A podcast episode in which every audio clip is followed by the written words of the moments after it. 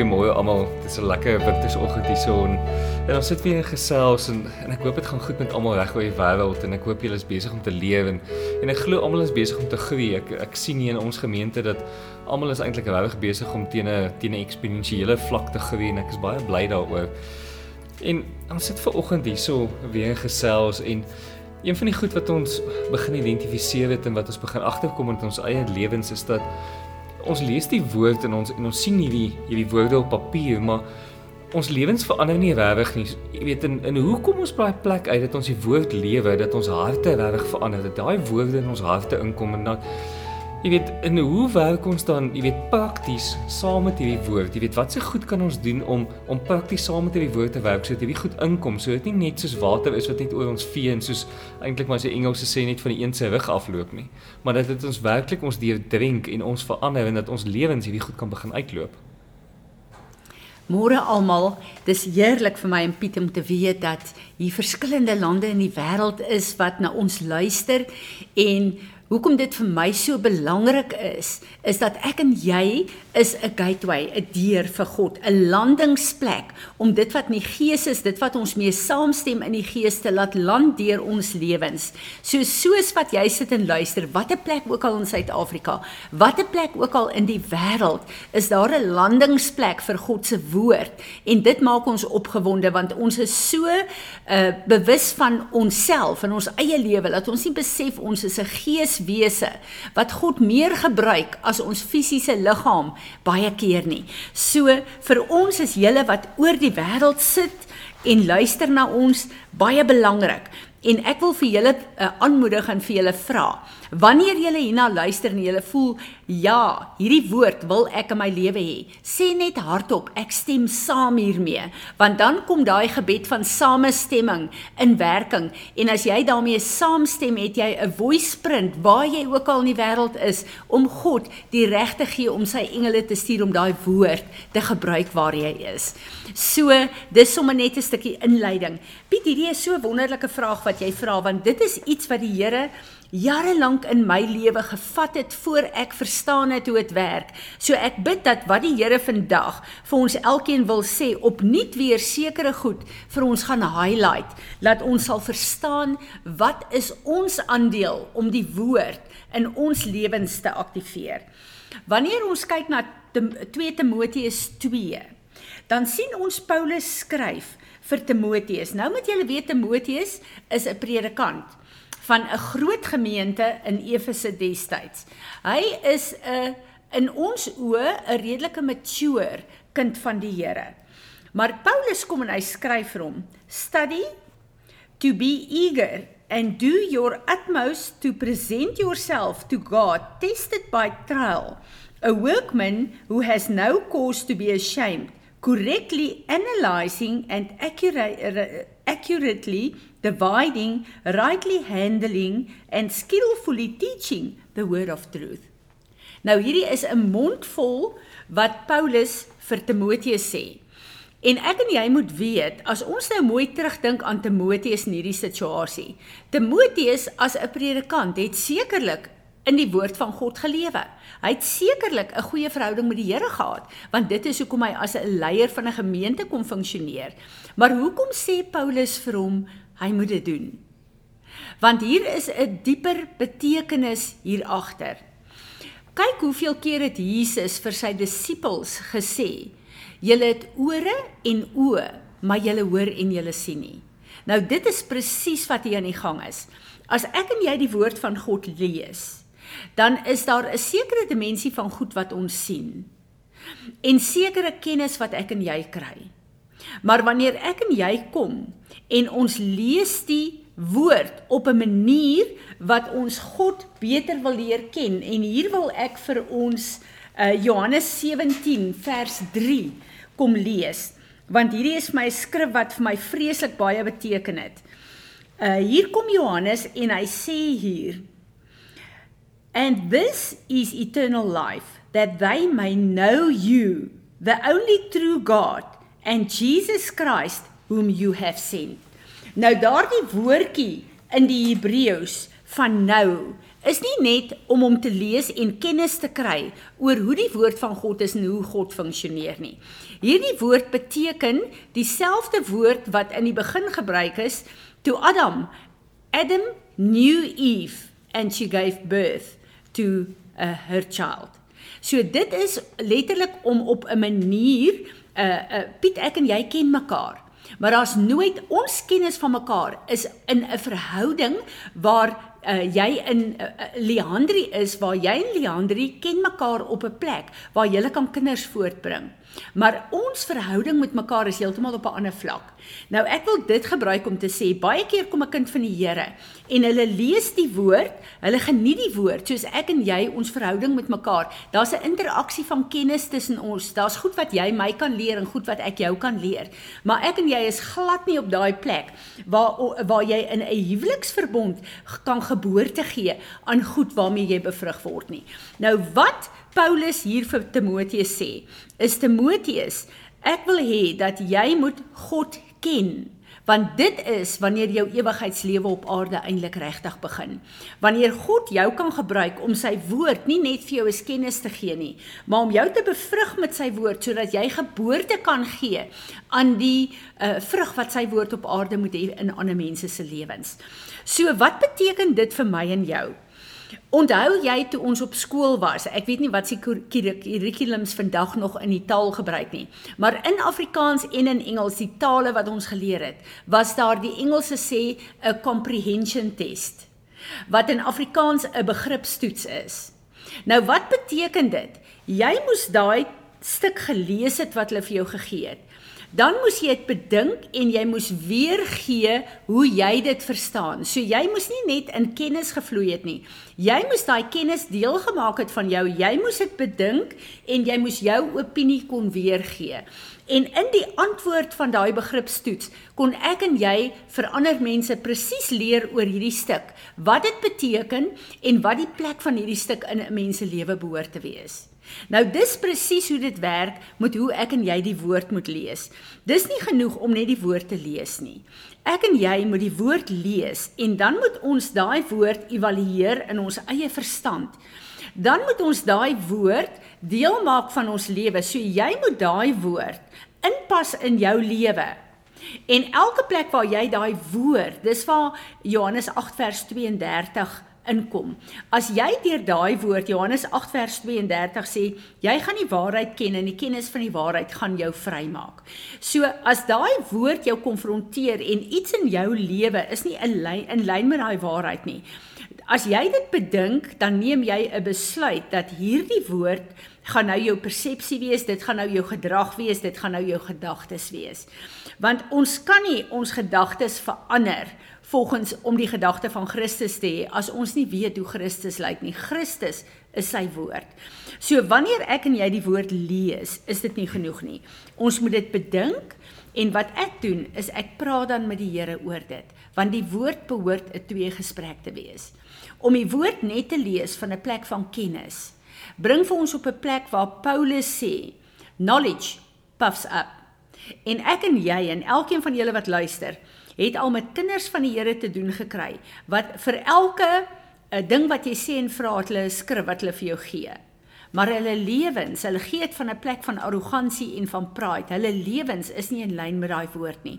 So die nederigheid van die karakter van Christus is nie daar nie. En een van die dinge waarmee ek moet waar, waar, waarvan ek wil, uh, wil waarsku op hierdie stuk is dat 'n uh, veral soos wat 'n mens die woord van die Here leer ken, kom jy maklik op 'n plek, veral as jy 'n leier is, waar jy die woord lees as 'n leraar of as 'n onderwyser. So jy lees die woord om ander mense te leer. Jy wil die kennis hê om ander mense te leer. Jy lees nie daai woord met die nederigheid om te dink hierdie stuk het ek in die woord al 20 keer gelees. Maar ek ken dit nou nie, want dit het met my gebeur al. Maar om in nederigheid te kom en te sê Here, wat wil U vandag deur hierdie woord vir my sê? Want elke dag is die woord soos die vars manna in die woestyn. Daar's iets wat ek en jy as 'n voeding daaruit moet kry. En die oomblik as ons kom en ons het 'n arrogansie van ek ken die woord, dan maak jy jouself toe. Dan is jy op die plek waar Jesus sê, jy het ore en jy jy het oë, maar jy hoor en jy sien nie. So wanneer ek vir jou gaan vra om te bid Piet, wil ek hê jy moet daaroor repent ook dat ons dit saam doen. As ons kyk na hierdie hoe om God se woord te vat, dis presies wat mediteer beteken. Om dit te lees, dan te bedink op so 'n manier dat as Jesus voor jou staan en vir jou vra Fransie, wat verstaan jy vir die van die woord? Dat jy dit vir hom kan teruggee want dit is hoe die woord jou kom bevrug. En daai woord kan dan in jou lewe 'n werk doen. Want jy vat dit vir jouself en die woord kan jou dan voed die woord kan jou vrymaak die woord kan jou genees die woord kan jou reset volgens God se plan vir jou lewe. En ek dink dis een van die belangrikste dinge van die woord van God nou in Romeine 2 vers 13 staan daar dat uh dis goed genoeg om net 'n hoorder van die woord te wees nie. Die boek uh Jakobus sê dit in die boek van Jakobus ook uh uh van Jakobus ook. Do not be do uh, listeners only you must be doers of the word of God. So uh, hier kom hierdie skrif in in Romeine en sê vir ons as jy die woord hoor en jy doen dit dan lei dit tot geregtigheid in jou lewe. So 'n groot stryk van die vyand is om ons die woord te laat lees omdat ons getrou wil wees in ons Bybelstudie elke dag en omdat ons kennis van die woord wil hê maar ons motiewe en ons hart is nie op die regte plek nie. Die woord is in die eerste plek vir jou. En as die woord van die Here elke keer wat jy dit lees, nie 'n werk in jou lewe kan doen nie, dan moet jy jouself ondersoek. Want die woord is vars manna en al ken jy Johannes 3 vers 16 uit jou kop uit vandat jy in die skool is. As jy dit vandag lees en jy lees dit nie met 'n gesindheid van Vader, wat wil U vir my wys? Wat in hierdie seisoen in my lewe 'n werk in my lewe moet doen deur Johannes 3 vers 16 nie, dan mis ons dit. Kan ek jou stelling maak dat dat ek net kyk, jy weet, verstaan ek hierdie goed reg? So week terug het ek geleer wat wat die definisie van wysheid is en vir die eerste keer het ek verstaan maar wysheid is die toepassing van kennis. En toe ek dit begin verstaan het, ewe skielik te verstaan ek wat Jakobus sê, maar as enigiemand van ons wysheid kort, weet vra dit van die Here. Met ander woorde, ek meen dit is presies wat dit is. Ons lees die woord wat hierdie vars manna is, maar dit help niks daai manna as op 'n bord vir wanneer jy moet dit eet. Ja. En die eet daarvan is om by die Here te gaan sit en vir hom te sê, maar hierdie woord, ek meen hierdie kennis wat ek nou gekry het uit die woord uit, hoe pas ek dit nou in my lewe toe? Kan ek hier inkom? As jy byvoorbeeld na my toe kom en vir my sê tannie Fransie, ek het 'n groot probleem.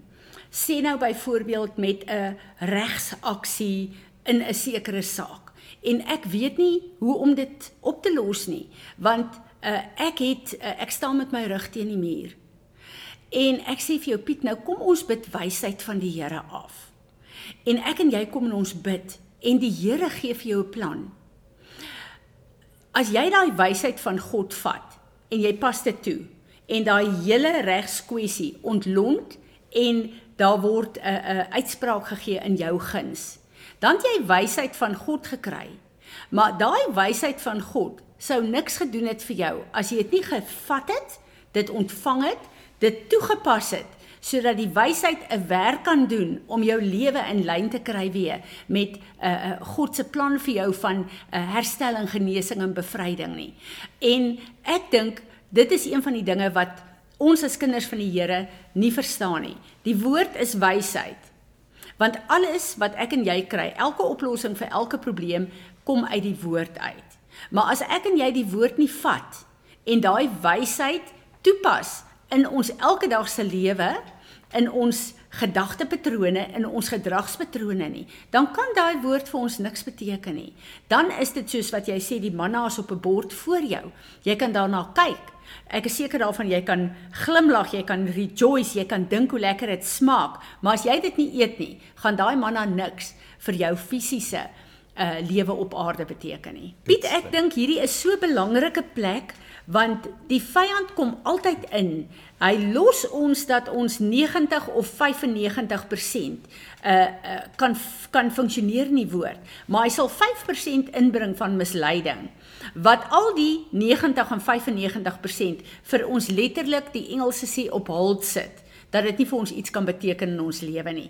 En dit voel vir my hierdie kwessie wat wat die Here vandag oor praat, is een van daai dinge. So lei jy ons om vir die Here vergifnis te vra dat ons die woord lees met ons eie persepsies maar dat ons nie dit lees met God se persepsie vir die woord wat ek vandag lees vir my lewe nie. En dan vra die Here om ons te help. En ek wil ook hier 'n uh, baie belangrike ding sê.